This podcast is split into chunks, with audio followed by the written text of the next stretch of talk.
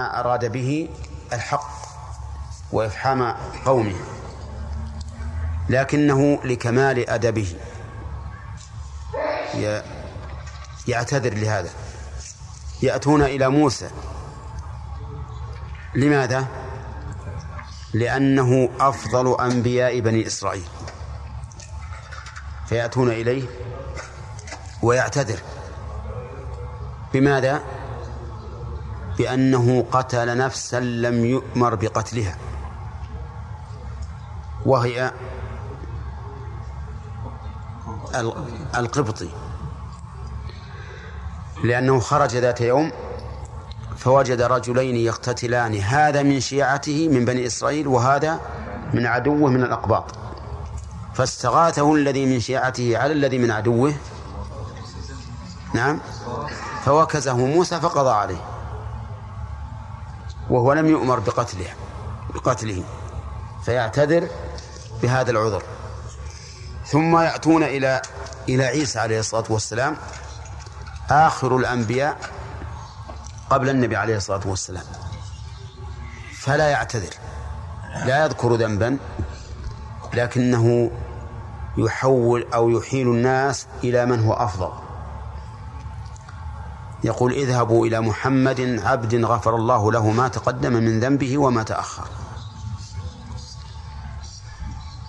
فإن قلت لماذا لم يلق الله عز وجل في قلوب هؤلاء الناس أن يذهبوا إلى محمد؟ من أول الأمر. فالجواب من أجل أن يتبين فضل الرسول صلى الله عليه وسلم. وهذا من المقام المحمود الذي قال الله فيه عسى أن يبعثك ربك مقاما محمودا. هذا ما ظهر لنا وقد يكون هناك حكم أعظم من هذا. نعم. يقول آه، طيب.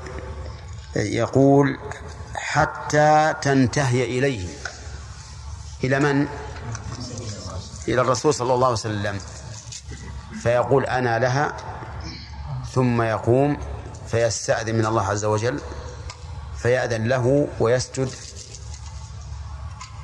تحت العرش ويفتح الله عليه من المحامد والثناء على الله عز وجل ما لم يفتحه عليه من قبل. ثم يقول له ارفع رأسك وقل تسمع واشفع تشفع.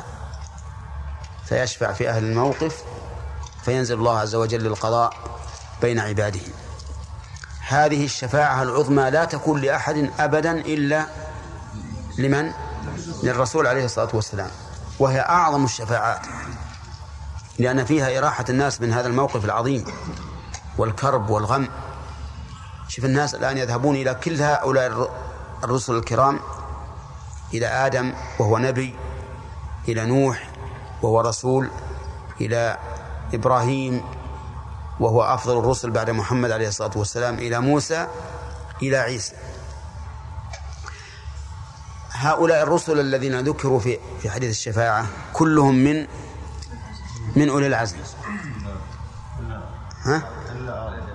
ما هو رسول آدم؟ آدم نبي. نعم. كل الرسل اللي ذكروا كلهم هم أولو العزم. وقد ذكرهم الله تعالى في موضعين من القرآن. في سورة الأحزاب وفي سورة الشورى. في سورة الأحزاب وإذ أخذنا من النبيين ميثاقهم ومنك ومن نوح وإبراهيم وموسى وعيسى بن مريم. وفي الشورى شرع لكم من الدين ما وصى به نوحا والذي أوحينا إليك وما وصينا به إبراهيم وموسى وعيسى. والله أعلم. نقف على هذا. نعم. بين آدم ونوح عشرة قرون نعم. كلها يعني معروف أن كل الأمم تبع الأمم هذه لو أنها هلكت قبل يعني يبعثون إيه نعم. انه ابو البشر نعم. لأنها من بعد نوح ما بقي إلا ذرية نوح لكن اللي قبلهم يبعثون يصيرون موجودين اي وش وش الإشكال؟ ابو البشر يعني ابو البشر أي آدم أبو البشر. بعد آدم أبو البشر. أما نوح فهو أبو البشر بعد الأب الثاني منه. الأب الثاني للبشر. فيها بشر هي هي هذا نعم هذا ولهذا أبو آدم أبو البشر كلهم. وهذا أبو البشر الذين بعده نوح. إيه اللي بعد نوح. بعدهم بعد نوح هو أبوهم نعم إيه، فهو الأبو الثاني؟ كلكم شرط بقى. شيخ بالنسبة للحوض هل هل العصر موجوده للماء؟ يشربون منه؟ اي نعم يشربونه لكنهم لكن شربهم يختلف فشرب العاصي ليس لي- ليس كشرب المطيع اي نعم اي بدلوا التبديل هنا تبديل الإسلام. من بدل دينه فاقتلوه. يعني بذلك أصحاب الردة الذين ارتدوا بعد الرسول عليه الصلاة والسلام هؤلاء ما يشربون. لا ما ما هو هذا. نعم يا محمد. يقول يا شيخ ثلاث الكلمات التي كتبها إبراهيم عليه الصلاة والسلام. نعم. ما هي؟ قوله هذا ربي. نعم. وقوله فعله كبيرهم هذا نعم وقوله إني سقيم وبعض بعض الروايات قوله لملك مصر إن هذه أختي يعني زوجته ماريا يعني لا زوجته سارة إيه. نعم شيخ ذكرت انه يوم القيامة تفتح باب الجنة فهل يعني ذلك أنها الآن مغلقة؟ هي ما الآن ما ندري لكن عندما يصلون إليها يجدونها مغلقة. طيب يا شيخ كيف الحديث إنه إذا أتى رمضان فتحت وهو مغلق؟ إي أقول الآن ما ندري. وتفتيح الجنة في في, في رمضان يقتضي أيضا أنه إنه ما أن في غير رمضان مغلقة. ولكن حديث عمر في الوضوء يقتضي أنها تفتح لصاحب للمتوضي الذي تشهد. يا شيخ ما ما فائده ف- يعني تفتح ابواب الجنة الآن في رمضان مع إنه لا يدخلها أحد. ما؟ لا ها فائدة لأجل حث الناس على كثرة العمل. الفائدة حث الناس على كثرة العمل. نعم. حمد؟ كل شيء قبل استفتاح الجنة ما يدخلون جميعهم من النار فيكون بردا وسلام عليكم. ثم يخرجون. إيه هذه فيها خلاف. في في قوله وإن منكم إلا واردها. هذه فيه خلاف. هل إن المراد بالورود العبور على الصراط وهذا هو الأرجح؟ أو المراد بالورود دخولها لكنهم لا يعذبون بها.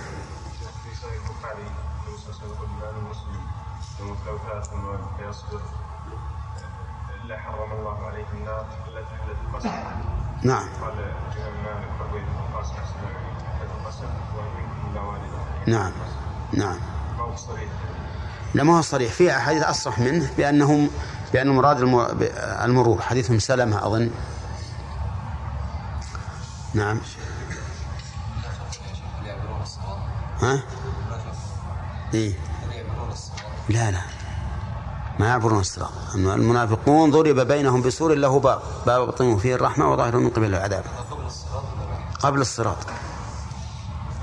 نعم. جاء وصفنا الحوض بالتحريم أقول هل يؤخذ من ماء الكوثر كماء الحوض؟ هو الظاهر إن, إن, إن كل مياه الجنة إنه به- بهذه المثابة. يعني الماء فيها أنهار من ماء وأنهار من لبن وأنهار من خمر وأنهار من عسل. الله أعلم. الله أعلم. بالنسبة للحوض إيه. نعم. طوله شهر وعرضه شهر إيه. يقول يقول العلماء إنه لو كان مربعا لكانت الزوايا أكثر من الشهر.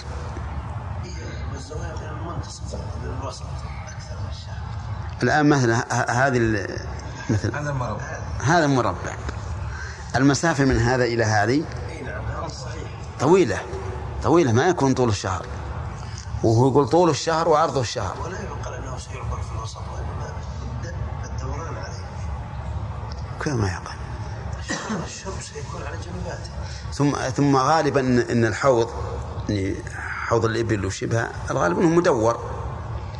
لكن هذه ما ما نعتبره. نعتبر إن طوله عرضه من جميع الجوانب. إذا كان طوله عرضه من جميع الجوانب شهر لازم أن يكون مدورا. كيف؟ كيف له طول عرض؟ اي اي نعم. ها؟ في دائرة إذا كان في دائرة يمكن يصل هذا لهنا أقل من شهر ها؟ إذا كان مدور يمكن يصل من طرف إلى طرف أقل من شهر. شلون؟ إذا كان مدور هكذا إي. إذا كان مدور هكذا إي. يصل هذا هنا أقل من شهر. كيف إذا كان مدور. هو اصله لابد يكون مستقيم ما هو تجي من الجانب. ها؟ كيف؟ كل العلماء رد يعني يقول لا هم قال قالوا العلماء إن إنه مدور بهذا الحديث. يمكن زمانهم ما في شيء مربع زوايا مربع. لا لا فيه. لا فيه. نعم. نعم. ما يشرب لا هو ما قال لا يشرب يقول لا يظمأ يعني شربهم في الجنة من باب التنعم والتلذذ. إي نعم ما هم من باب الحاجة. ما هم ما هم من الحاجة. تلذذا. بالنسبة يا شيخ. نعم يا غانم. يقول طيب المنافقين ما يكون على الصراط. لا لا تعالى صلاة القيامة. كيف؟ يعني قبل الصراط. قبل الصراط. هم أصل ما يعبر الصراط إلا من كان مؤمنا. لكن بس العصاة يحصل لهم ما, ما يحصل. يعني يعني من جنس اعمالهم هم لأنهم يخادعون في الدنيا. هم يمشون على الصراط. إيه. ويطفئ النور. إيه. لا. لا شيخ شيخ. نعم. هل الشرب من حوض النبي صلى الله عليه وسلم عذاب؟ إيش؟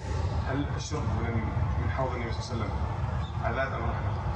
لا رحمة. الشرب من حوض الرسول عذاب.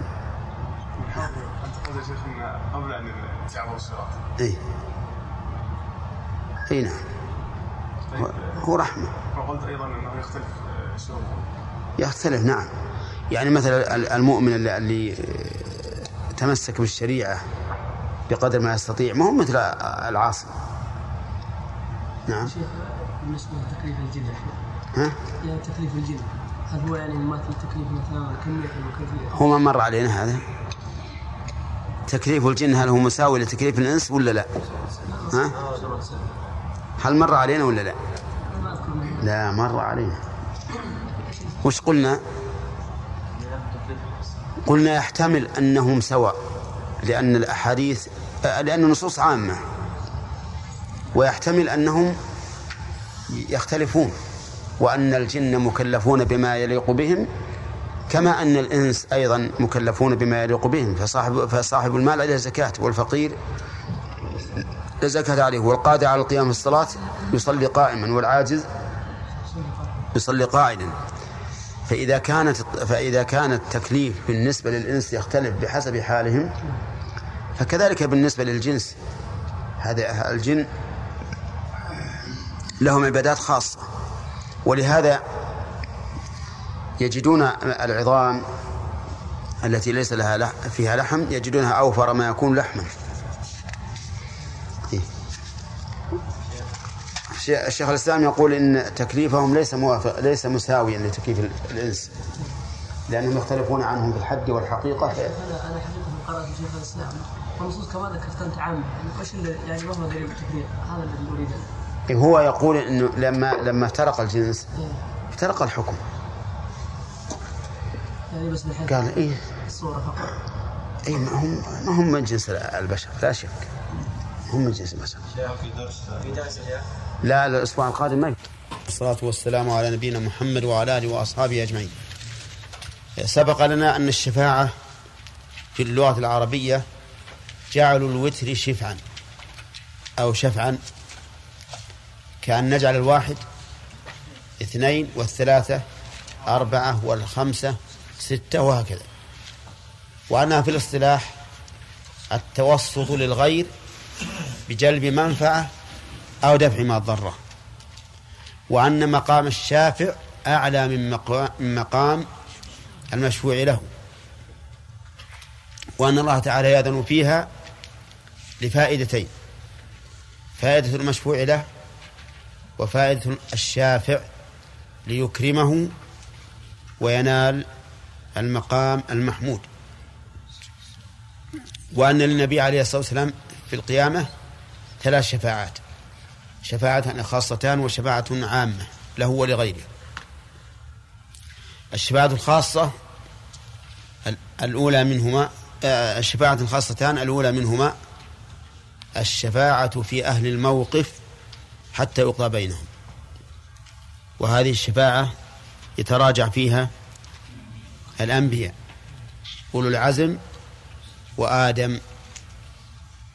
يذهب الناس إلى آدم ثم نوح ثم إبراهيم ثم موسى ثم عيسى حتى تنتهي إلى النبي صلى الله عليه وسلم فيقوم ويشفع عند الله بإذن الله.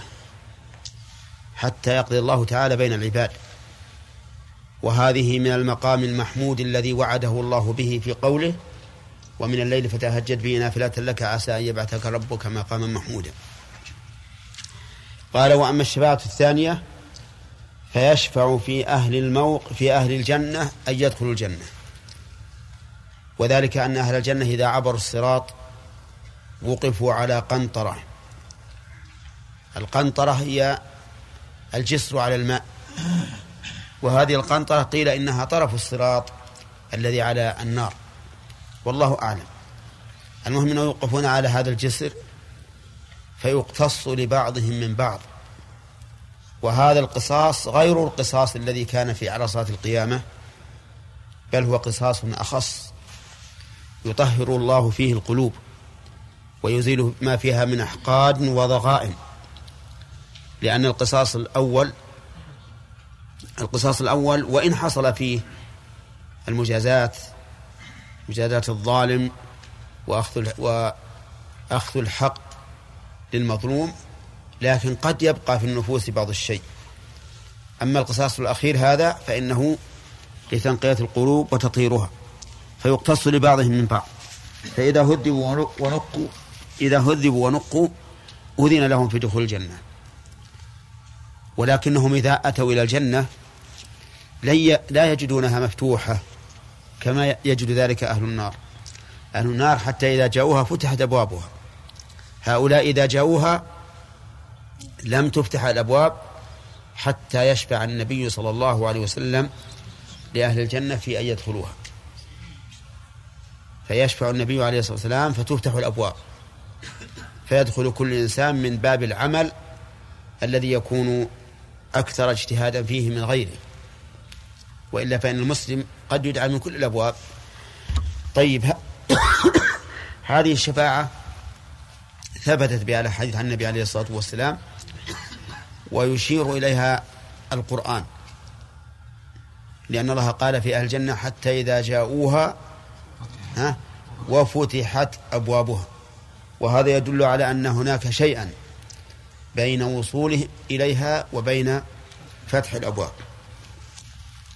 طيب هذه خاصة بالرسول عليه الصلاة والسلام. فيها أيضا شفاعة خاصة بالنبي صلى الله عليه وسلم ثالثة لا تكون لغيره وهي الشفاعة في عمه أبي طالب. وأبو طالب كما ثبت في الصحيحين وغيرهما مات على الكفر وفضل الله يؤتيه من يشاء.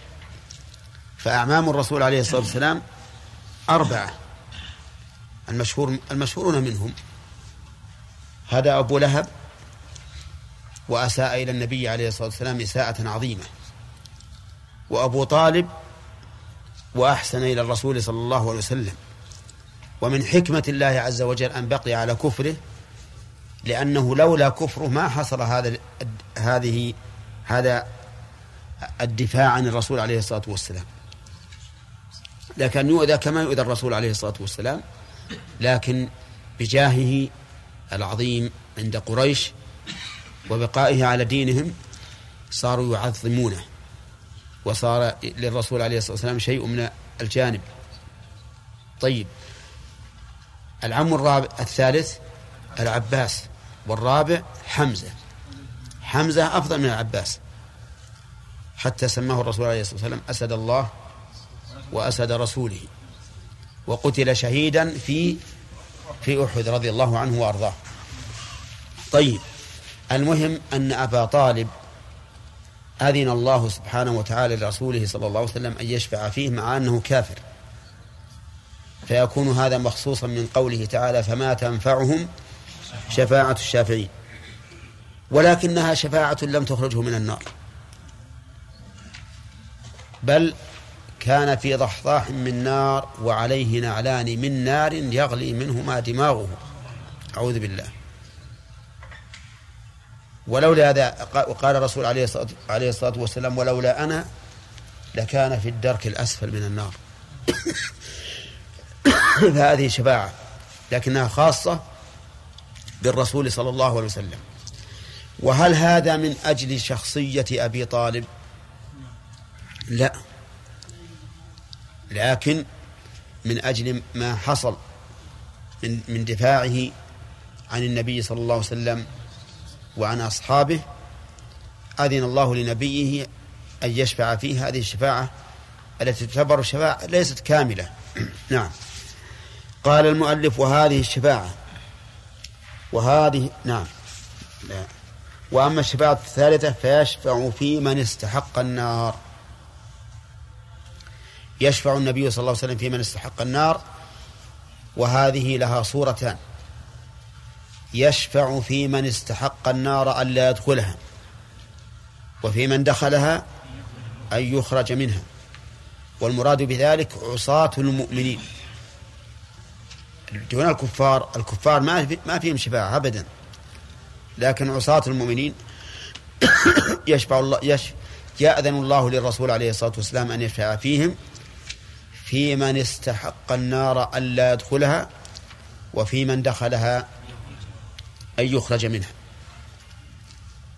أما من دخلها أن يخرج منها فالأحاديث في هذا كثيرة جدا بل متواترة. وأما من استحقها ألا يدخلها فهذه قد تستفاد من دعاء الرسول صلى الله عليه وسلم للمؤمنين بالمغفرة والرحمة على جنائزهم فإنه من لازم ذلك ألا يدخل النار. كما قال النبي عليه الصلاة والسلام اللهم اغفر لأبي سلمة وارفع درجته في المهديين إلى آخر الحديث. طيب يشفع في من استحق النار ألا يدخلها وفي من دخلها أن يخرج منها. هذه الشفاعة ينكرها من أهل البدع طائفتان. الطائفة الأولى المعتزلة. والطائفة الثانية الخوارج. لأن المعتزلة والخوارج مذهبهما في فاعل الكبيرة أنه مخلد في نار جهنم. فيرون من زنى كمن أشرك بالله وزنى وسرق وشرب الخمر وقتل النفس وفعل كل معصية. يرون أنهما سواء ولهذا لا يرون الشفاعة في من استحق النار. لا في من استحقها لا يدخلها ولا في من دخلها أن يخرج منها. لأن مذهبهم أن فاعل الكبيرة ها مخلد في النار. وعلى هذا فلا تنفع فيهم الشفاعة كما لا تنفع في المشركين وغيرهم. فقال وهذه الشفاعة له ولسائر النبيين والصديقين وغيرهم. يعني ليست خاصة به. تكون للنبيين يشفعون في عصاة قومهم وللصديقين يشفعون أيضا في في عصاة أقاربهم وغيرهم من المؤمنين وكذلك لغيرهم من الصالحين حتى يشفع الرجل في أهله وفي جيرانه وفيما أشبه ذلك. ولكن لا بد في هذه الشروط في هذه الشفاعة من ثلاثة شروط. لا بد فيها من ثلاثة شروط. الشرط الأول إذن الله تعالى فيها. والشرط الثاني رضاه عن الشافع. والشرط الثالث رضاه عن المشفوع له. وقد اجتمعت الشروط الثلاثة في قوله تعالى وكم من ملك في السماوات لا تغني شفاعتهم شيئا إلا من بعد أن يأذن الله لمن يشاء ويرضى. يرضى من؟ الشافع والمشفوع له. وفصلت في قوله تعالى من ذا الذي يشفع يشفع عنده إلا بإذنه هذا الإذن.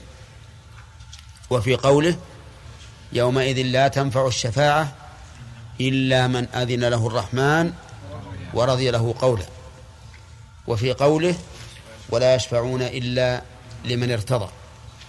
المهم أن هذا النوع من الشفاعة لا بد فيه من هذه الشروط الثلاثة.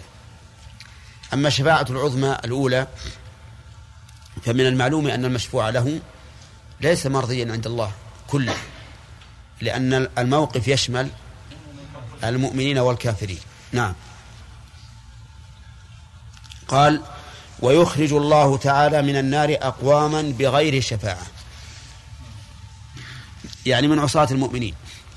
يخرج الله سبحانه وتعالى من النار أقواما بغير شفاعة بل بفضله ورحمته. وهذا من نعمته. فإن رحمته سبقت غضبه. فيشفع الأنبياء والصالحون والملائكة وغيرهم حتى لا يبقى إلا رحمة أرحم الراحمين. فيخرج عز وجل من النار من يخرج بدون بدون شفاعة. حتى لا يبقى في النار إلا أهلها الذين هم أصحاب النار. طيب.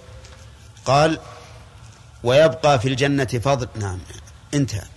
قال ويبقى في الجنة فضل عمن دخلها من أهل الدنيا. الله أكبر. الجنة عرضها السماوات والأرض. ولو أن السماوات والأرض مدت بعضها إلى جنب بعض وش تكون ما لا نهاية.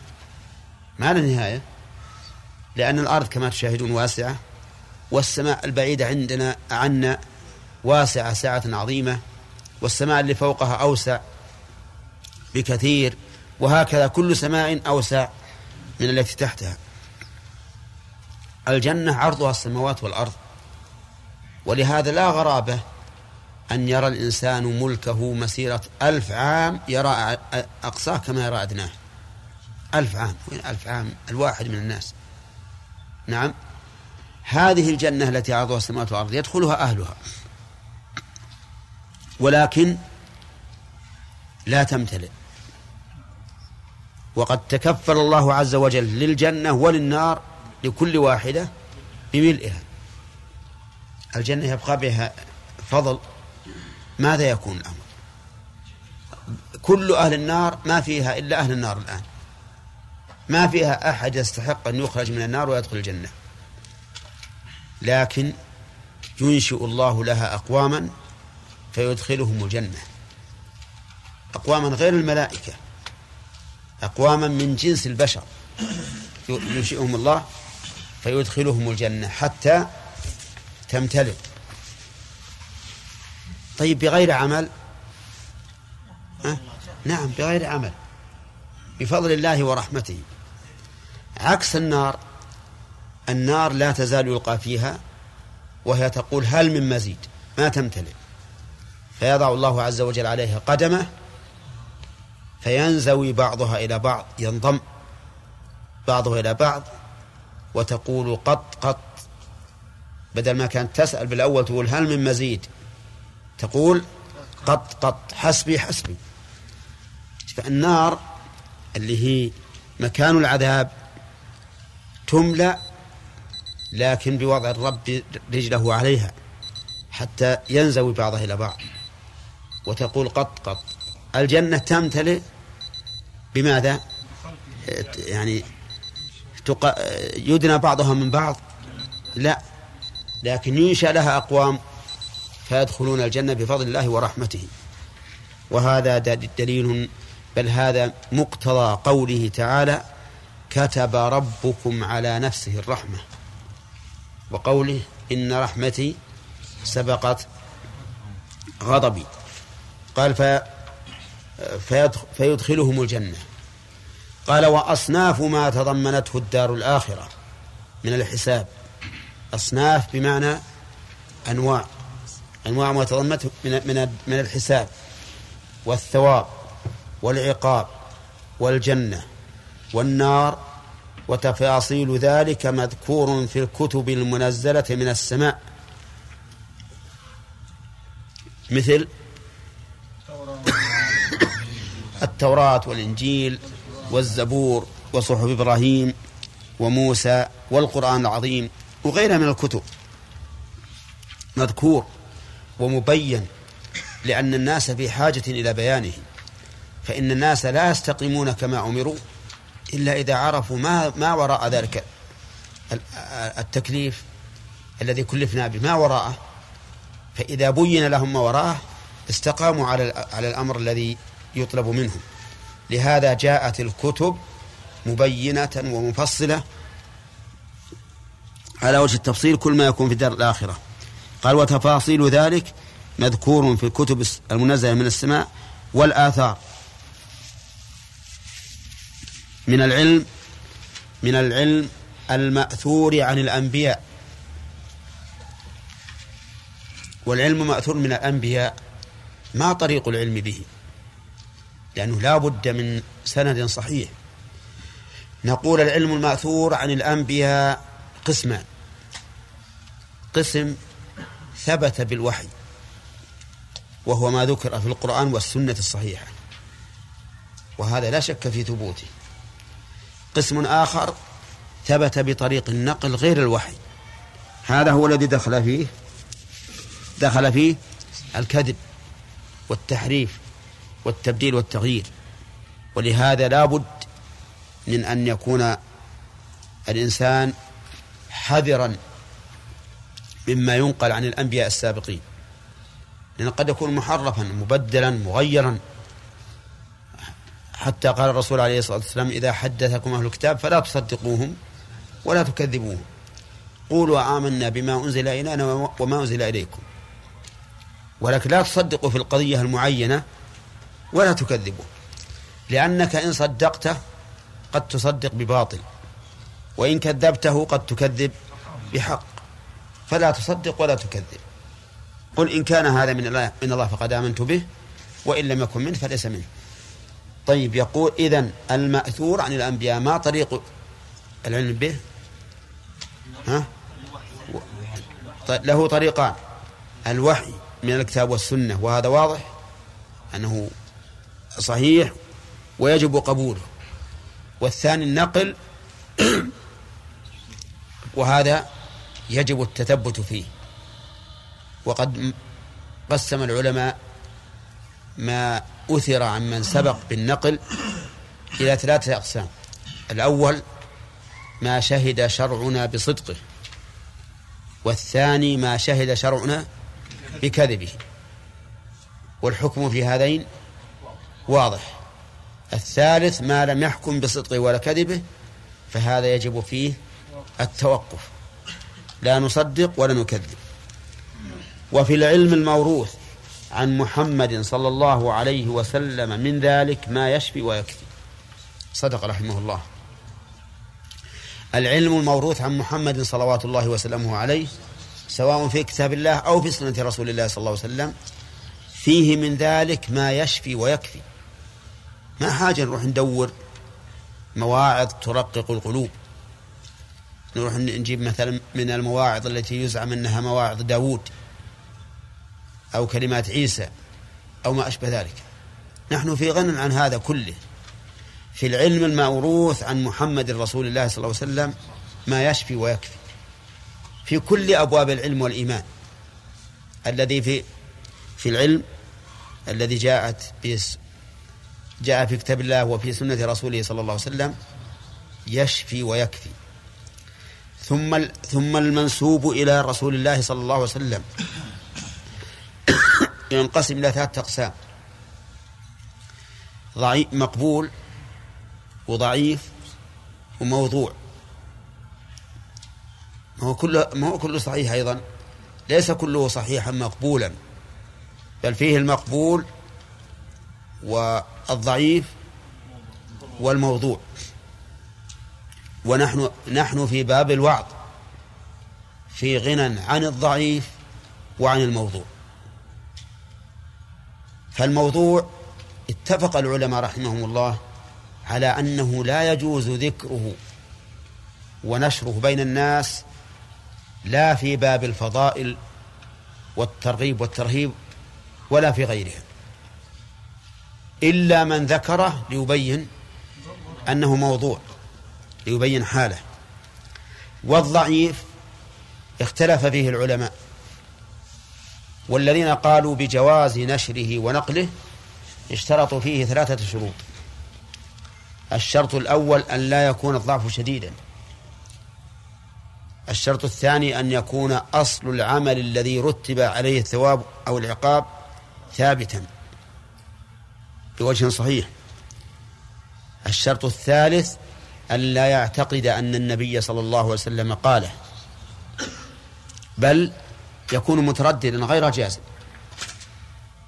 واضح؟ طيب. أما صيغة عرضه صيغة عرضه فلا يقول قال رسول الله.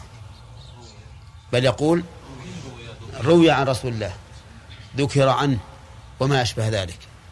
فالحديث الضعيف على قول من يجيز نشره وروايته لا بد فيه من شروط ثلاثة أن يكون غير شديد الضعف أن يكون له أصل ثابت. والثالث أن لا يعتقد أن النبي صلى الله عليه وسلم قاله أما صفة عرضه فيجب أن لا يكون بصيغة الجزم. ما تقول قال رسول الله؟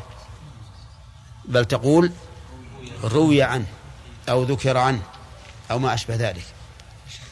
طيب فإن كنت في عامة لا يفرقون بين ذكر وقيل وقال. ها؟ يقولون كل ما قيل في المحراب فهو صواب. ها؟ وش تجيبه في ذكر وقيل ولا ولا ما تجيبه ابد نعم ما تأتي به ابدا. لأن العامي إذا أتيت به يبي يعتقد على طول أن الرسول صلى الله عليه وسلم قاله. ولا لا؟ ولا يدري وش أنت قلت ذكر أو قيل. لو تقول قال رسول الله أو قيل عن رسول الله. كل واحد ما يعرف الفرق. أليس كذلك؟ إذا لابد أن أن نعرف إلى من نتحدث حتى لا لا نهمهم. طيب في هذا الباب أي في باب اليوم الآخر. وأشراط الساعة. ذكرت أحاديث كثيرة. فيها ضعف. وفيها أيضا وضع موضوعات. وأكثر ما تكون هذه في كتب الرقائق والمواعظ. ولذلك يجب التحرز منها.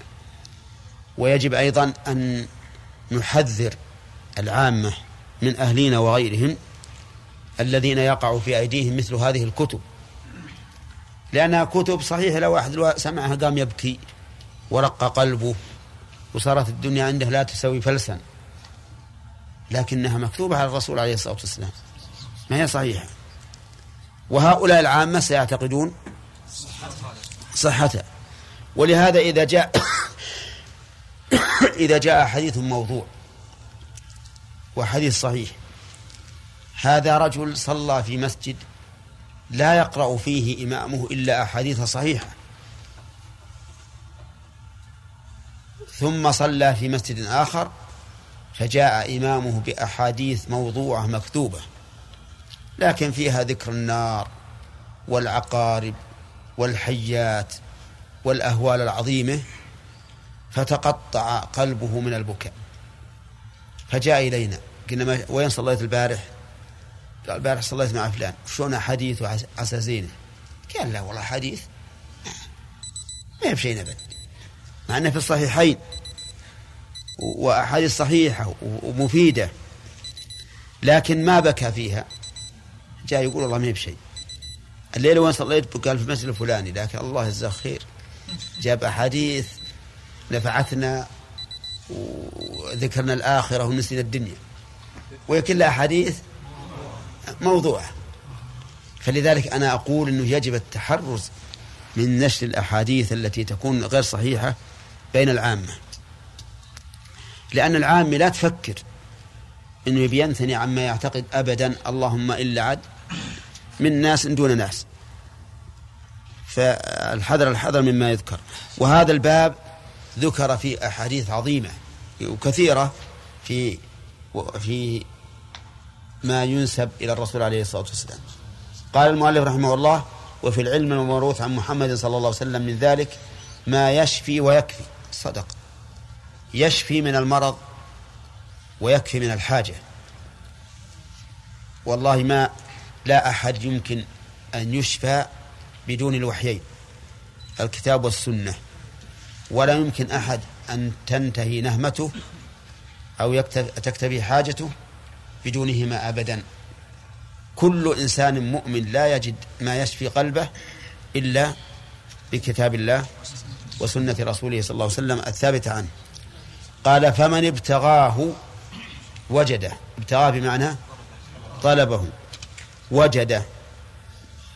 صحيح يجده. الحمد لله. القرآن بين أيدينا وكتب الحديث بين أيدينا لكنها تحتاج إلى تمحيص وبيان الصحيح منها من الضعيف حتى يبني, يبني الناس ما يعتقدونه في هذا الباب على أساس صحيح. إيه نعم. أظن ما أعلنت؟ نعم أعلنت الثاني؟ لا أهل السنة والجماعة. الفرقة الناجية يعني الطائفة الناجية. ووصفت بهذا الوصف لأنها نجت في الدنيا من البدع وتنجو في الآخرة من النار. وإن شئت فقل لأنها نجت في الدنيا من المخالفة وفي الآخرة من النار. أما كونها نجت في الدنيا من المخالفة فلقول النبي صلى الله عليه وسلم هم من كان على مثل ما أنا عليه وأصحابي وأما كونها نجت من النار فلأن الرسول عليه الصلاة والسلام قال كلها في النار إلا واحدة. أهل السنة والجماعة أهل السنة لأنهم متمسكون بها والجماعة لأنهم مجتمعون عليها. ولهذا لا تجد أهل البدع مجتمعين. تجد مثلا الجبرية مختلفين وتجد المعتزلة مختلفين وتجد الأشاعرة مختلفين لكن أهل السنة والجماعة كلهم متفقون. وسيأتي إن شاء الله تعالى تفسير الجماعة في كلام المؤلف في آخر الرسالة قال بالقدر خيره وشره. نتكلم الآن على كلمة القدر. وهل هي مرادفة للقضاء أو مباينة؟ فالقدر بمعنى التقدير. قال الله تعالى إنا كل شيء خلقناه بقدر وقال تعالى فقدرنا فنعم القادرون فهو في اللغة التقدير. و وأما القضاء فهو في اللغة الحكم. ولهذا نقول إن القضاء والقدر متباينان إن اجتمعا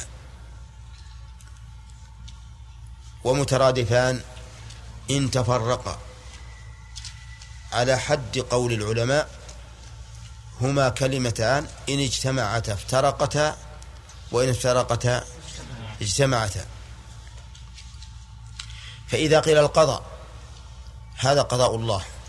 أو القدر فقط هذا قدر الله فهو شامل للقضاء. أما إذا ذكر جميعا فلكل واحد منهما معنى. فالتقدير هو ما قدره الله تعالى في الأزل أن يكون في خلقه. هذا التقدير. وأما القضاء فهو ما قضى به الله سبحانه وتعالى في خلقه من إيجاد أو أو إعدام أو تغيير. هذا إذا ذكر إيش؟ إذا ذكر جميعا. وعلى هذا يكون التقدير سابقا أو لاحقا؟ سابقا. لأن التقدير ما قدره الله في الأزل في علمه عز وجل أن يكون في خلقه. والقضاء هو نفس إيقاع هذا المقدر. من إيجاد أو إعدام أو تغيير. لأن جميع القضاء يدور على هذه الثلاثة. إما إيجاد معدوم أو إعدام موجود أو تغيير. نقله من صفة إلى صفة. واضح؟ طيب. فإذا قلت أنت ذكرت أن القضاء هو ما يقضيه الله سبحانه وتعالى في خلقه من إيجاد أو عدام أو تغيير وأن القدر سابق عليه. إذا اجتمع فإن هذا يعارض قول الله تعالى وخلق كل شيء فقدره تقديرا. خلق كل شيء فقدره فإن هذا فإن هذه الآية ظاهرها أن التقدير بعد الخلق. وعلى تفسيرنا يكون ها التقدير قبل الخلق. فالجواب على ذلك من أحد وجهين. إما أن نقول إن هذا من باب الترتيب الذكري لا المعنوي. من باب الترتيب الذكري لا المعنوي. وإنما قدم الخلق على التقدير لتناسب رؤوس الآيات. خلق كل شيء فقدره تقديرا. ألم تر إلى أن موسى أفضل من هارون. لكن قدم هارون عليه في سورة طه ها لتناسب رؤوس الآيات. طيب. وعلى هذا فيكون ترتيبا ذكريا. وهذا الترتيب ها ذكري.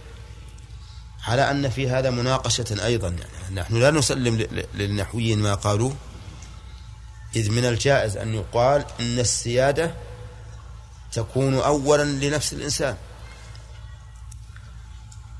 ثم ينتفع بسيادة أبيه لأنه مباشر. ثم ينتفع بسيادة جده لأنه وراء ذلك. ثم بجد جده وهكذا أو بأبي جده وجد جده. لأن سيادة الإنسان بنفسه هي التي يثنى بها عليه. ثم سيادته بأبيه ثم سيادته بجده. طيب إذا نقول هذا من باب إيش؟ الترتيب الذكري أو نقول إن التقدير هنا بمعنى التسوية يعني خلقه على قدر معين. كقوله تعالى الذي خلق فسوى. فيكون التقدير ليس هو التقدير الأزلي الذي قدره تعالى أن يكون ولكنه بمعنى التسوية يعني أن يكون على قدر معين. وهذا المعنى أقرب من الأول لأنه يطابق تماما لقوله تعالى الذي خلق فسوى الذي خلق فسوى وحينئذ لا إشكال في الموضوع. طيب القدر الإيمان به واجب. الإيمان بالقدر واجب. ومرتبته في الدين أنه أحد أركان الإيمان الستة. كما قال النبي عليه الصلاة والسلام لجبريل حين قال ما الإيمان؟ قال أن تؤمن بالله وملائكته وكتبه ورسله واليوم الآخر. وتؤمن بالقدر خيره وشره. وللإيمان بالقدر فوائد. نحن نذكرها وإن كان المؤلف ما ذكرها. الإيمان بالقدر له فوائد. منها أنه من تمام الإيمان. ولا يتم الإيمان إلا بذلك. ومنها أنه من تمام الإيمان بالربوبية. لأنك إذا آمنت بقدر الله عز وجل فإن قدر الله من أفعاله وأحكامه فيكون هذا من باب تمام الإيمان بالربوبية. ومن فوائده أيضا من فوائد الإيمان بالقدر رجوع الإنسان إلى ربه. لأنه إذا علم أن كل شيء بقضائه وقدره فإنه سيرجع إلى الله. إن أصابته الضراء رجع إلى الله تعالى في دفعها ورفعها. إن أصابته السراء أضافها إلى الله وعرف أنها من فضل الله عليه. من فوائد الإيمان بالقدر أن الإنسان يعرف قدر نفسه ولا يفخر إذا فعل الخير. أليس كذلك؟ لأنه إذا علم أن الله هو الذي قدرها قال إذا ليس مني. هذا من الله هذا من فضله هذا من نعمته هذا من منته. لكن الذي لا يؤمن بالقدر وش يقول؟ يقول هذا مننا. حصلت بيدي حصلت بكسبي وما أشبه ذلك. خامسا من فوائد الإيمان بالقدر؟ هون المصائب على العبد. هون المصائب على العبد. لأن الإنسان إذا علم أنها من عند الله ها هانت عليه. هانت عليه المصيبة. كما قال الله تعالى ومن يؤمن بالله يهدي قلبه. قال علقمة رحمه الله هو الرجل تصيبه المصيبة فيعلم أنها من عند الله فيرضى ويسلم. سادسا إضافة النعم إلى مستيها لأنك إذا لم تؤمن بالقدر أضفت النعم إلى من باشر الإنعام. ونسيت الأول. مثال ذلك رجل وهبك هبة أو أهدى إليك هدية. إذا آمنت بالقدر فستقول الذي ساقه أن يهدي إلي ها هو الله عز وجل. فتضيف النعمة إلى من؟ إلى الله عز وجل إلى مستيها وتقول ما هذا الإنسان إلا طريق. لكن من لم يؤمن بالقدر يعتمد على الأسباب المادية ويرى الفضل كل الفضل لمن أسدى إليه هذا الخير أو هذه الهبة. وهذا يوجد كثيرا في الذين يتزلفون إلى الملوك والرؤساء والوزراء.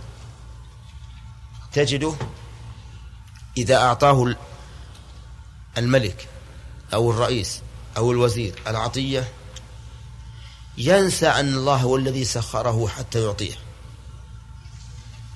ويجعل النعمة الكبرى والمنة لمن؟ لهذا المعطي. لهذا المعطي. لكن إذا آمن بالقدر فإنه يضيف النعمة إلى مستيها عز وجل. لا إلى هذا. صحيح أنه يجب على الإنسان أن يشكر الناس لقول, لقول النبي عليه الصلاة والسلام من صنع عليكم معروفا فكافئوه. ولكن يعلم أن الأصل كل الأصل هو الله عز وجل أو هو فضل الله عز وجل جعله على يد هذا الرجل. أي نعم. كذلك أيضا من من فوائد الإيمان بالقدر. أن الإنسان يعرف به حكمة الله عز وجل. لأنه إذا نظر في هذا الكون وما يحدث فيه من تغييرات باهرة من سراء وضراء وجدب وخصب وغير ذلك عرف بهذا حكمة الله عز وجل.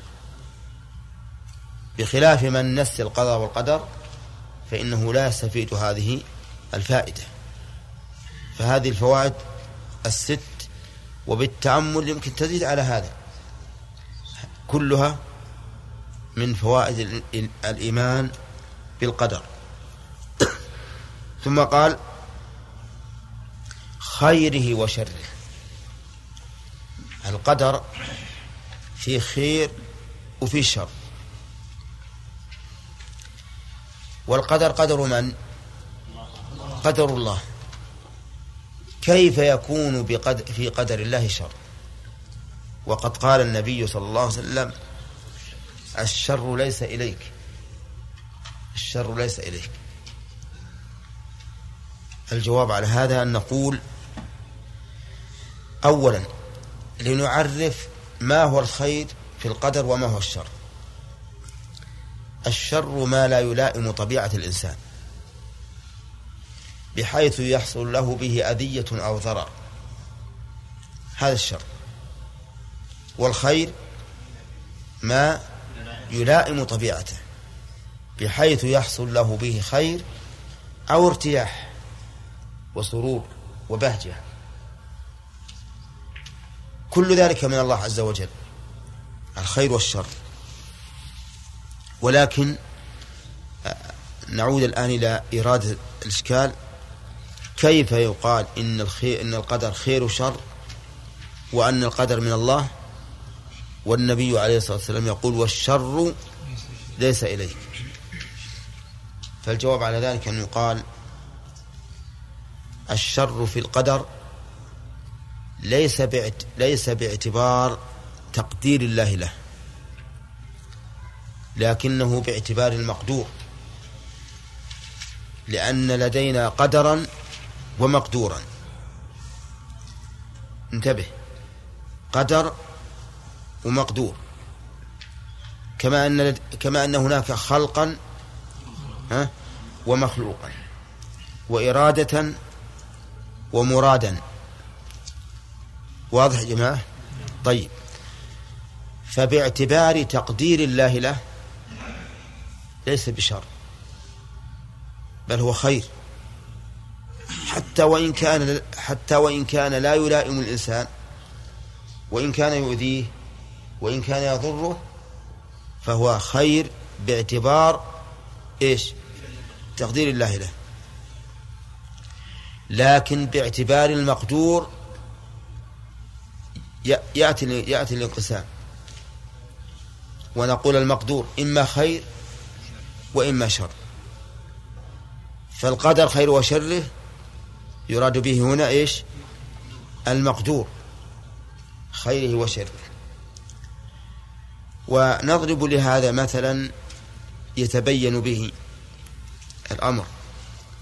ظهر الفساد في البر والبحر بما كسبت أيدي الناس ليذيقهم بعض الذي عملوا. ففي هذه الآية الكريمة بين الله عز وجل ما حدث وسببه والحكمة منه أو الغاية. الفساد شر ولا خير؟ ها؟ شر؟ الفساد شر؟ ما في شك. طيب. سببه؟ الإنسان. الغاية منه ليذيقهم بعض الذي عملوا لعلهم يرجعون. فالآن كون الله عز وجل يظهر الفساد أو كون الفساد يظهر وهو بتقدير الله عز وجل في البر والبحر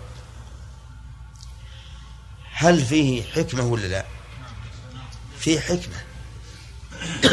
ونفسه شر لكن لحكمة عظيمة بها يكون تقديره خيرا.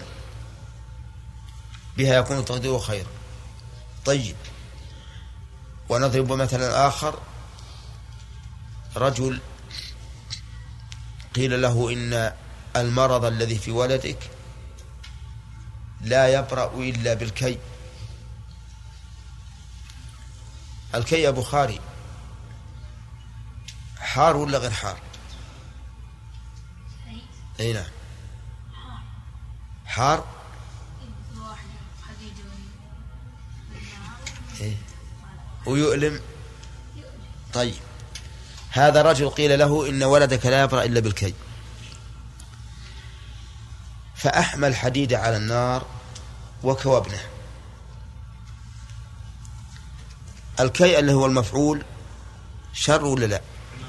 شر. لكن الفعل خير ولا لا؟ خير. لأن, لأن هذا الذي كوبنه ما أراد إيلامه ولا أراد ضرره إنما أراد الخير. كذلك المقدور بالنسبة لما يقدره الله عز وجل إنما أراد الله به الغاية الحميدة. فيكون خيرا باعتبار تقدير الله له وشرا باعتباره مقدورا له. أو مقدرا له. فهناك فرق بين التقدير وبين المقدر. أظن واضح إن شاء الله. طيب. المعاصي خير ولا شر؟ شر. الكفر شر. وهو من تقدير الله. لكن لحكمة عظيمة لولا ذلك لبطلت الشرائع. ولولا ذلك لكان خلق النار عبثا. مع أن الله خلق النار ووعدها ملأها وخلق الجنة ووعدها ملأها. طيب. بالقدر خيره وشره. طيب الإيمان بالقدر خيره وشره. هل يتضمن الإيمان بكل مقدور؟ لا هو من هو من ليس من حيث أن الله قدره ولكن من حيث الرضا به. ها؟ لا. المقدور ينقسم إلى كوني وإلى شرعي فالمقدور الكوني إذا قدر الله عليك مكروها فإنك رضيت أو ما رضيت لا بد أن يقع. المقدور الشرعي قد يفعله الإنسان وقد لا يفعله. لكن باعتبار الرضا به إن كان أمرا إن كان طاعة لله وجب الرضا به. إن كان معصية وجب سخطه وكراهته ومحاربته. والقضاء عليه. كما قال الله عز وجل ولتكن منكم أمة يدعون إلى الخير ويأمرون بالمعروف وينهون عن المنكر. أما أما القضاء الكوني فكل أحد راضي أو ما راضي لابد أن يقع. طيب. ثم قال الإيمان بالقدر على درجتين. والمؤلف رحمه الله سيتكلم عليه من ناحية اختلاف الأمة فيه. ولا ولا هو أقسام. اللهم نعم. والصلاة والسلام على نبينا محمد وعلى آله وأصحابه أجمعين. سبق لنا أن أهل السنة والجماعة يؤمنون بالقدر خيره وشره. وسبق لنا أن مرتبة الإيمان بالقدر أو هو أحد أركان الإسلام الإيمان الستة. وسبق لنا أن الإيمان به واجب. وسبق لنا الفرق بين القضاء والقدر عند الاجتماع. وأنهما متباينان عند الاجتماع مترادفان عند الافتراق. فالفرق بينهما أن القضاء ما يقضيه الله في الخلق من إيجاد أو إعدام أو تغيير. وأما القدر فهو ما قدره الله تع... ما قدره الله بالأزل أي قدر أن يكون. وعلى هذا التعريف يكون القدر إيش؟ سابقا للقضاء. طيب. وسبق لنا أن القدر عند الإطلاق يشمل القضاء أيضا والقضاء عند الإطلاق يشمل القدر. وسبق لنا الإشكال عند كلمة شر. خيره واضح. شر. كيف يكون في قدر الله تعالى شرا؟ وكيف نجمع بين هذا وبين قول الرسول صلى الله عليه وسلم الشر ليس إليك؟ فها هنا سؤالان. السؤال الأول كيف يكون في قدر الله في قدر الله تعالى شرا والسؤال الثاني كيف نجمع بين هذا وبين قول رسول الله صلى الله عليه وسلم والشر ليس إليك؟ وبينا أن الشر لا يضاف إلى الله أبدا. كما قال الرسول عليه الصلاة والسلام الشر والشر ليس إليك. وأن الشر في قولنا القدر خيره وشره بالنسبة للمفعول. للمقدور لا للقدر. وعلى هذا فيضاف الشر إلى أي شيء؟ إلى المقدور لا إلى قدر الله الذي هو فعله. فإن الله ما قدر هذا الشيء وإن كان مكروها وشرا إلا لحكمة بالغة. فهو إذن بهذا الاعتبار إيش؟ خير. هو بعبارة أخرى توضح المقام. نقول إن لقدر الله تعالى جهتان أو جهتين. الجهة الأولى النظر بالنظر إلى كونه واقعا من الله. والنظر الثاني باعتبار كونه واقعا يعني أو مقدرا. ففي الأول هو خير وفي الثاني منه خير ومنه شر. واضح؟ طيب. وسبق لنا أن الإيمان بالقدر له ثمرات جليلة عظيمة. ذكرنا منها أيضا ستا أو سبعا. الفائدة الأولى بدر الثمرة الأولى ها؟ الطمأنينة. طمأنينة الإنسان وراحته. فإنك لو ذهبت تبحث أين تكون الطمأنينة؟ لقلنا لك بالإيمان بالقدر. لأن الرسول صلى الله عليه وسلم أخبر بأن المؤمن إن أصابه خير شكر وإن أصابه ضر صبر. فالإنسان إذا كان يمشي مع القضاء والقدر ارتفاعا ونزولا ويمنة ويسرة وخلفا وتقدما فإنه يستريح ويطمئن. هذه ثمرة. الثمرة الثانية نعم. هون المصائب على العبد. فإنه, فإنه إذا علم أنها من الله رضي وسلم. الفائدة الثالثة؟ أحسن. أنه من تمام الإيمان بالربوبية. لأن إيمانك بأنه ربك عز وجل يقتضي تسليمك لقضائه وقدره. الرابع؟ الرضا بإيش ما هي هذه؟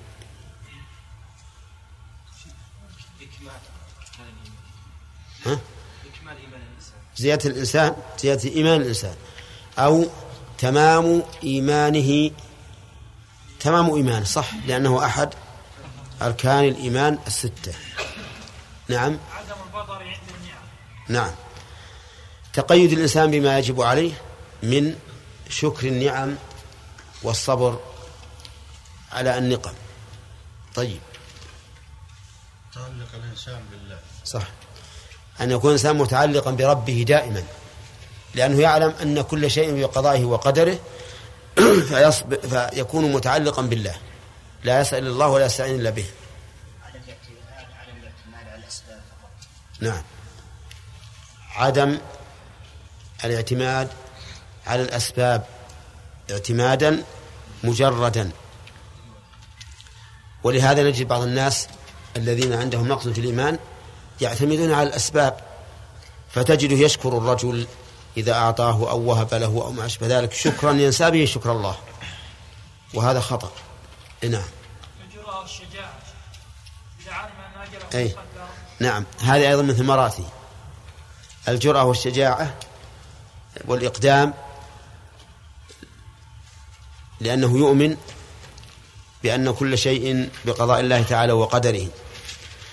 هذه من ثمراته. وقلنا لكم في الدرس الماضي قد يكون له ثمرة أخرى إذا تأملها الإنسان وجد شيئا كثيرا.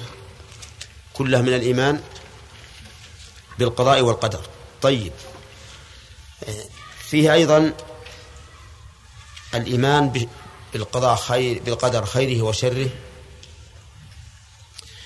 ينبغي أن ننظر هل يجب علينا الإيمان بالمقضي كله أو لا.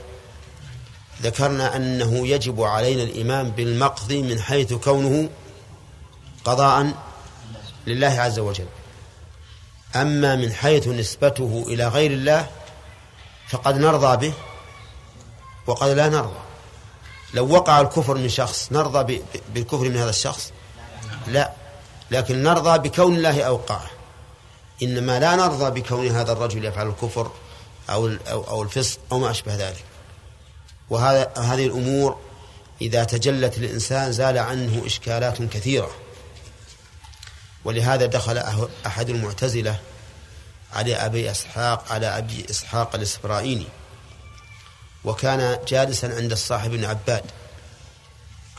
والصاحب بن عباد معتزلي أيضا. دخل الرجل المعتزلي لما دخل جلس قال سبحان من تنزه عن الفحشاء. كلام طيب. سبحان من تنزه عن الفحشاء. فعرف الإسرائيلي أبو إسحاق رحمه الله ما أراد. أنه أراد مذهب المعتزلة الذين يقولون إن الله ما له دخل في أفعال العبد. فقال سبحان من لا يقع في ملكه إلا ما يشاء. ها؟ سبحان من لا يقع في ملكه إلا ما يشاء. صح؟ من فحشاء وغير فحشاء؟ ولا لا؟ فقال له المعتزلي أيريد ربنا أن يعصى؟ أيريد ربنا أن يعصى؟ وش الجواب؟ إيه هو أجاب لكن الإنسان إذا سمع أول السؤال يقول يعني إيه ما ما ما يمكن الله يريد أن يعصى. لكن بالإرادة الكونية يريد. أين. فقال له أبو إسحاق أيعصى ربنا قهرا؟ وش الجواب؟ لا. ما يمكن يعصى قهرا لا يعصى إلا بإرادته. لكن الإرادة إيش؟ الكونية. فقال له أرأيت إن قضى علي بالردى؟ بعد؟ إن منع الهدى. وقضى علي بالردى؟ أحسن إلي أم أسى؟ فقال له إن منع إن منعك ما هو لك فقد أسى وإن منعك ما هو فضله ففضل الله يؤتيه من يشاء. فألجم الرجل. وعجز أن يتكلم. إذن فالشيء كله بإرادة الله عز وجل. لكن المراد قد يكون محبوبا لله وقد يكون مكروها لله. إيه نعم. القدر خير وشره. قال المؤلف رحمه الله والإيمان بالقدر على درجتين كل درجة تتضمن شيئين. إنما قسم المؤلف هذا التقسيم من أجل الخلاف لأن الخلاف في القدر ليس شاملا لكل مراتبه. فقسمه المؤلف إلى هذه المراتب الذي جعلها درجات من أجل بيان الخلاف في هذا الباب العظيم. وباب القدر من أش... لأن باب القدر من أشكل الأبواب أبواب العلم والدين على الإنسان. وقد كان النزاع فيه من عهد الصحابة رضي الله عنهم. لكنه ليس مشكلا عند عند عند إرادة الحق. الدرجة الأولى الإيمان بأن الله تعالى عليم بما الخلق عاملون. أن تؤمن بأن الله تعالى عليم بما الخلق عاملون. ولم يذكر المؤلف أن الله عليم بما يفعله هو. لأن هذه المسألة ليس فيها خلاف. لا بين الجبرية والقدرية وأهل السنة ولا غيرها. أن الله عليم بفعله هذا ما فيه خلاف. ولهذا لم يذكره المؤلف. إنما ذكر ما فيه الخلاف.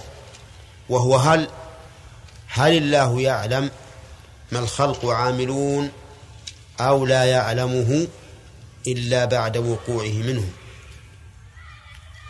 نقول يجب علينا أن نؤمن بأن الله عالم به بعلمه القديم.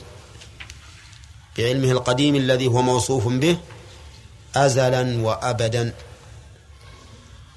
القديم في اصطلاحهم هو هو الذي لا نهاية لابتدائه.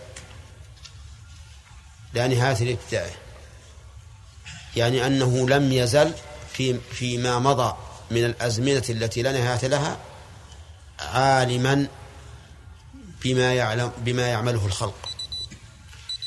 بخلاف القديم في اللغة فقد يراد بالقديم في اللغة ما كان قديما نسبيا كما في قوله تعالى حتى عاد كالعرجون القديم لأن عرجون النخلة مو قديم. قديم بالنسبة لما بعده لا أزليا فالله تعالى موصوف بأنه عالم بما الخلق عاملون بعلمه القديم الأزلي الذي لا نهاية لأوله. عالم جل وعلا بأن هذا الإنسان سيعمل كذا في يوم كذا في مكان كذا. بعلمه القديم الأولي يجب أن نؤمن بذلك. ودليل هذا من الكتاب والسنة والعقل. الكتاب والسنة والعقل. أما الكتاب فما أكثر الآيات التي فيها العموم عموم علم الله. مثل والله بكل شيء عليم. إن الله كان بكل شيء عليما. ربنا وسعت كل شيء رحمة وعلما. لتعلموا أن الله على كل شيء قدير وأن الله قد أحاط بكل شيء علما. إلى غير ذلك من الآيات التي لا تحصى كثرة. طيب ها ها في في في, غير السنة إيه، قصدي في السنة الرسول عليه الصلاة والسلام أخبر بأن ما أصاب الإنسان لم يكن ليخطئه وما أخطأه لم يكن ليصيبه وأن الأقلام قد جفت وطيت الصحف وانتهى كل شيء. وأما العقل فنقول إن الله عز وجل أشار إلى ذلك في كتابه فقال ألا يعلم من خلق وهو اللطيف الخبير. ألا يعلم من خلق وهو اللطيف الخبير. فإذا قلت إن الله خلق الإنسان وخلق أعماله لأن الأعمال صفة الإنسان والصفة تابع للموصوف تابعة للموصوف. فإذا كان العمل مخلوقا كان العامل مخلوقا ولا بد. هل يمكن أن يكون هذا الشيء مخلوقا لله وأن الله قد علم أنه سيخلقه في الوقت الفلاني في المكان الفلاني. ويجهله؟ لا. ولهذا قال الله عز وجل ألا يعلم من خلق؟ وهو اللطيف الخبير. كيف يكون الله خالق هذا الشيء وهو ما علمه؟ هذا مستحيل فالكتاب والسنة والعقل وإجماع السلف كلها تدل على أن الله تعالى عالم ما الخلق عاملون بعلمه الأزلي. قال المؤلف الذي هو موصوف به أزلا وأبدا. موصوف به أزلا وأبدا. ففي كونه موصوفا به أزلا نفي للجهل. وفي كونه موصوفا به أبدا نفي للنسيان. ولهذا كان علم الله عز وجل غير مسبوق بجهل ولا ملحوق بنسيان. كما قال موسى عليه الصلاة والسلام لفرعون علمها عند ربي في كتاب لا يضل ربي ولا ينسى. بخلاف علم المخلوق فعلم المخلوق مسبوق بجهل وملحوق بنسيان. طيب إذن يجب عليك أن تؤمن بأن الله عالم بما الخلق إيش؟ عاملون. أتقول بعلم متجدد أم بعلم سابق؟ ها؟ بعلم سابق. موصوف به أزلا وأبدا. قال وعلم جميع أحوالهم من الطاعات والمعاصي والأرزاق والآجال. نعم. الله عز, الله عز وجل قد علم جميع أحوالهم من الطاعات والمعاصي والأرزاق والآجال. ولهذا يقول للملك عندما ينفخ الروح في في الجنين في بطن أمه يقول اكتب رزقه وأجله وعمله وشقي أم سعيد. فالله تعالى عالم بذلك قبل أن يخلق الإنسان. إذا طاعاتنا معلومة لله. معاصينا معلومة لله. أرزاقنا معلومة معلومة له آجالنا معلومة له إذا مات الإنسان بسبب معلوم أو بغير سبب معلوم فإنه لله معلوم. ولا يخفى عليه. بخلاف علم الإنسان بأجله مع ليس بواقع. كل منا لا يعرف بأجله لا يعرف أجله. لا يعرف أين يموت ولا في أي مكان يموت. نعم. لا يعرف أين يموت ولا متى يموت. الأول والثاني للزمان. ولا يعرف بأي سبب يموت. صح؟ ولا يعرف على أي حال يموت. قد يموت على الإيمان وقد يموت على الكفر. نسأل الله لي ولكم الثبات. فالإنسان جاهل جهلا مطلقا في هذه الحال. أما الله عز وجل فهو عالم به علما كاملا. لا يخفى عليه. يقول عز و... يقول المؤلف رحمه الله ثم كتب. هذه هي الدرجة الثانية. إذا لا بد أن نؤمن بأن الله عالم بإيش؟ بما نحن عاملون. بعلم سابق أزلي أبدي. لم يجهل ما علمنا ولن ينسى ما علمنا. ولهذا يذكر الله عبده يوم القيامة إذا خلا به يقول عملت كذا وكذا في يوم كذا وكذا حتى يؤمن الإنسان بذلك. طيب اصبر. جاء وقت الأسئلة؟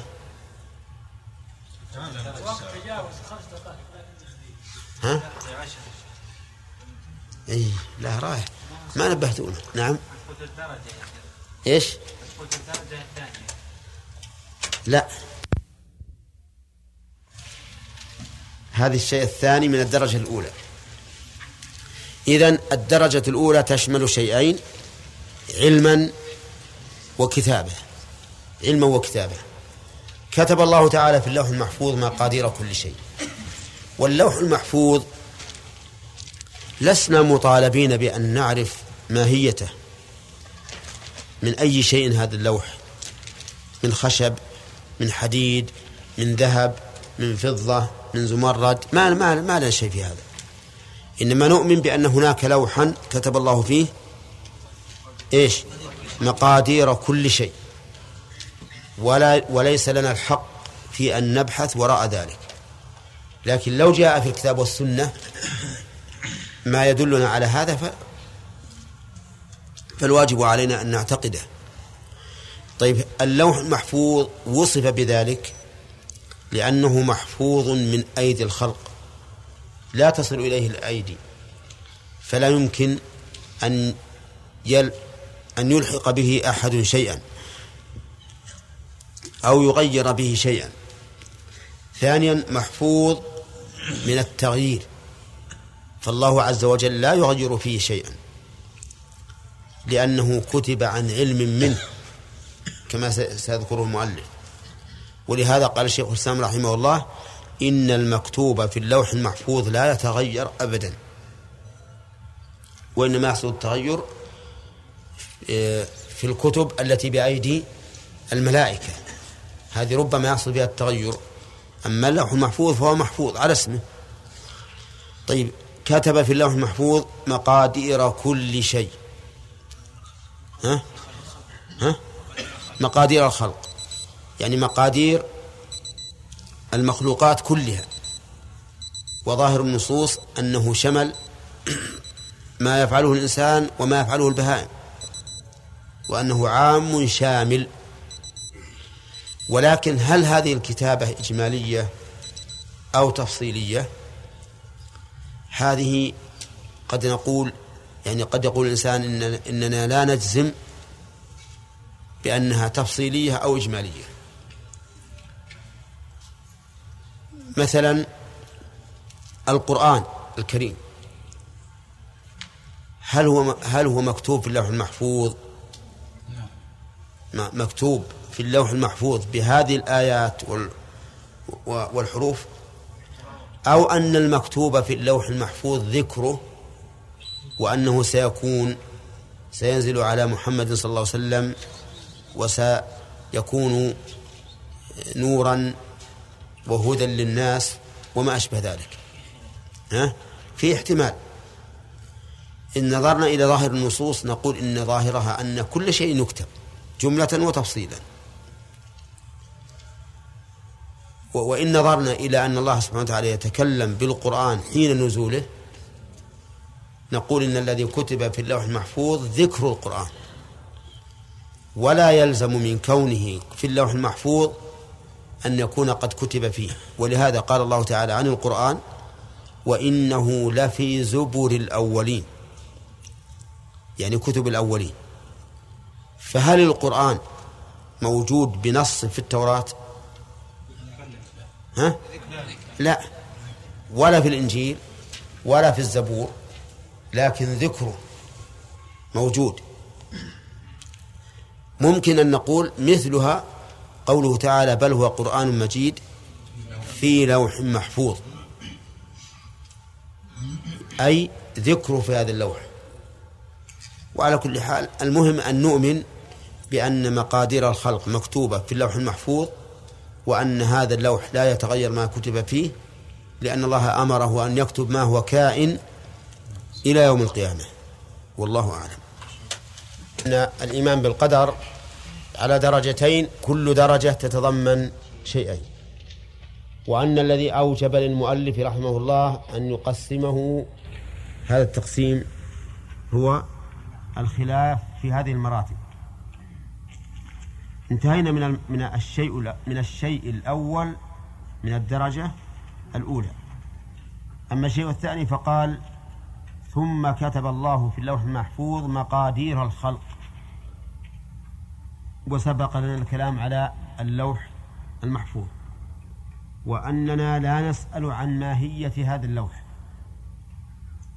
ولا عن كيفيته وصفته والذي يهمنا منه أنه لوح كتب الله فيه مقادير الخلق. قال فأول ما خلق الله القلم قال له اكتب. أمره أن يكتب. مع أن القلم جماد فكيف يوجه الخطاب إلى الجماد؟ والجواب على ذلك بسيط. أن الجماد بالنسبة إلى الله عاقل. يصح أن يوجه إليه الخطاب. قال الله تعالى ثم استوى إلى السماء وهي دخان. فقال لها وللأرض ائتيا طوعا أو كرها. قالتا أتينا طائعين. فوجه الخطاب إليهما وذكر جوابهما. وقال الله تعالى قلنا يا نار كوني بردا وسلاما على إبراهيم. فكانت كذلك. وقال الله تعالى يا جبال أوبي معه والطير. فكانت الجبال والطير تؤوب مع داود عليه الصلاة والسلام. على أن خطاب الجماد قد قد يقع حتى من المخلوق. قال عمر بن الخطاب رضي الله عنه وقد قبل الحجر الأسود إني لأعلم أنك حجر لا تضر ولا تنفع. ولو أن ولولا أني رأيت النبي صلى الله عليه وسلم يقبلك ما قبلتك. لكن لا يلزم من خطاب عمر أن يعقله الحجر. لازم أن يعقله الحجر. طيب. ودخل النبي ودخل أبو بكر على النبي صلى الله عليه وسلم بعد موته وهو مغطى فكشف عن وجهه وقبله وقال بأبي أنت وأمي ما أطيبك حيا وميتا. فخاطبه وهو ميت. فهذا على سبيل التجوز أحيانا أو على سبيل كون هذا الشيء المخاطب كأنه عاقل يفهم يعني أنه ينزل منزلة العقل. ومن ذلك أن موسى عليه الصلاة والسلام ضرب الحجر حين هرب بثوبه. القصة أظنها معلومة ها؟ كان بنو إسرائيل يقولون إن إن موسى آدر. آدر يعني كبير الخصيتين وهو عيب لأنه كان صلى الله عليه وسلم يغتسل مستترا وهم يغتسلون عراة عراة. فقالوا هذا الكلام فيه فأراد الله عز وجل أن يريهم أن ما قالوه كذب وبهتان. فدخل يوما يغتسل ووضع ثوبه على حجر فهرب الحجر بالثوب. وجعل موسى يتبعه. ثوبي حجر ثوبي حجر. ولكنه قد هرب به. حتى وصل إلى الملأ من بني إسرائيل فشاهدوا موسى عليه الصلاة والسلام أنه أنه كان سليما. ثم وقف الحجر. فأخذ ثوبه وجعل يضرب الحجر عليه الصلاة والسلام. نزله منزلة العاقل لأنه فعل فعل فعل العاقل. طيب. المهم أن الله أمر الق... أن الله أمر القلم أن يكتب والخطاب للجماد من الرب عز وجل خطاب صحيح صريح لأن الجماد بالنسبة الله عاقل. القلم امتثل ولا لا؟ امتثل لكنه أشكل عليه لأن الكلام مجمل. اكتب. قال ما أكتب؟ يعني أي شيء أكتب؟ سمعا وطاعة لكن أي شيء أكتب؟ قال اكتب ما هو كائن إلى يوم القيامة.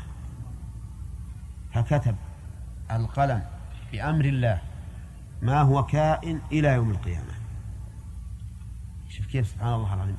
القلم كيف علم ماذا يكون إلى يوم القيامة؟ فكتبه لأن أمر الله عز وجل لا يرد لا مرد له. أمره أن يكتب فكتب. ما هو كائن إلى يوم القيامة؟ قال المؤلف فما أصاب الإنسان لم يكن ليخطئه وما أخطأه لم يكن ليصيبه. إذا آمنت بهذه الجملة اطمأننت. ما أصاب الإنسان لم يكن ليخطئه. أبدا. ومعنى ما أصاب؟ هل المراد ما قدر أن يصيبه أو أن ما أصابه بالفعل. نعم. فيه قولان أو فيه احتمالان. يحتمل أن المعنى ما قدر أن يصيبه فإنه لن يخطئه.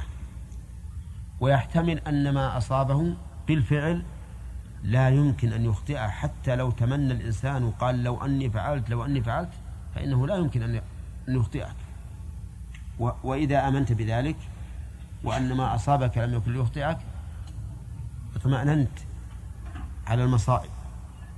ولم تقل لو أو ليت. طيب وما أخطأه لم يكن ليصيبه. طيب ما أخطأه أي ما قدر أن يخطئه فإنه لم يكن ليصيبه. وليس المعنى ما أخطأه بالفعل لأن ما أخطأه بالفعل معروف أنه غير صائب.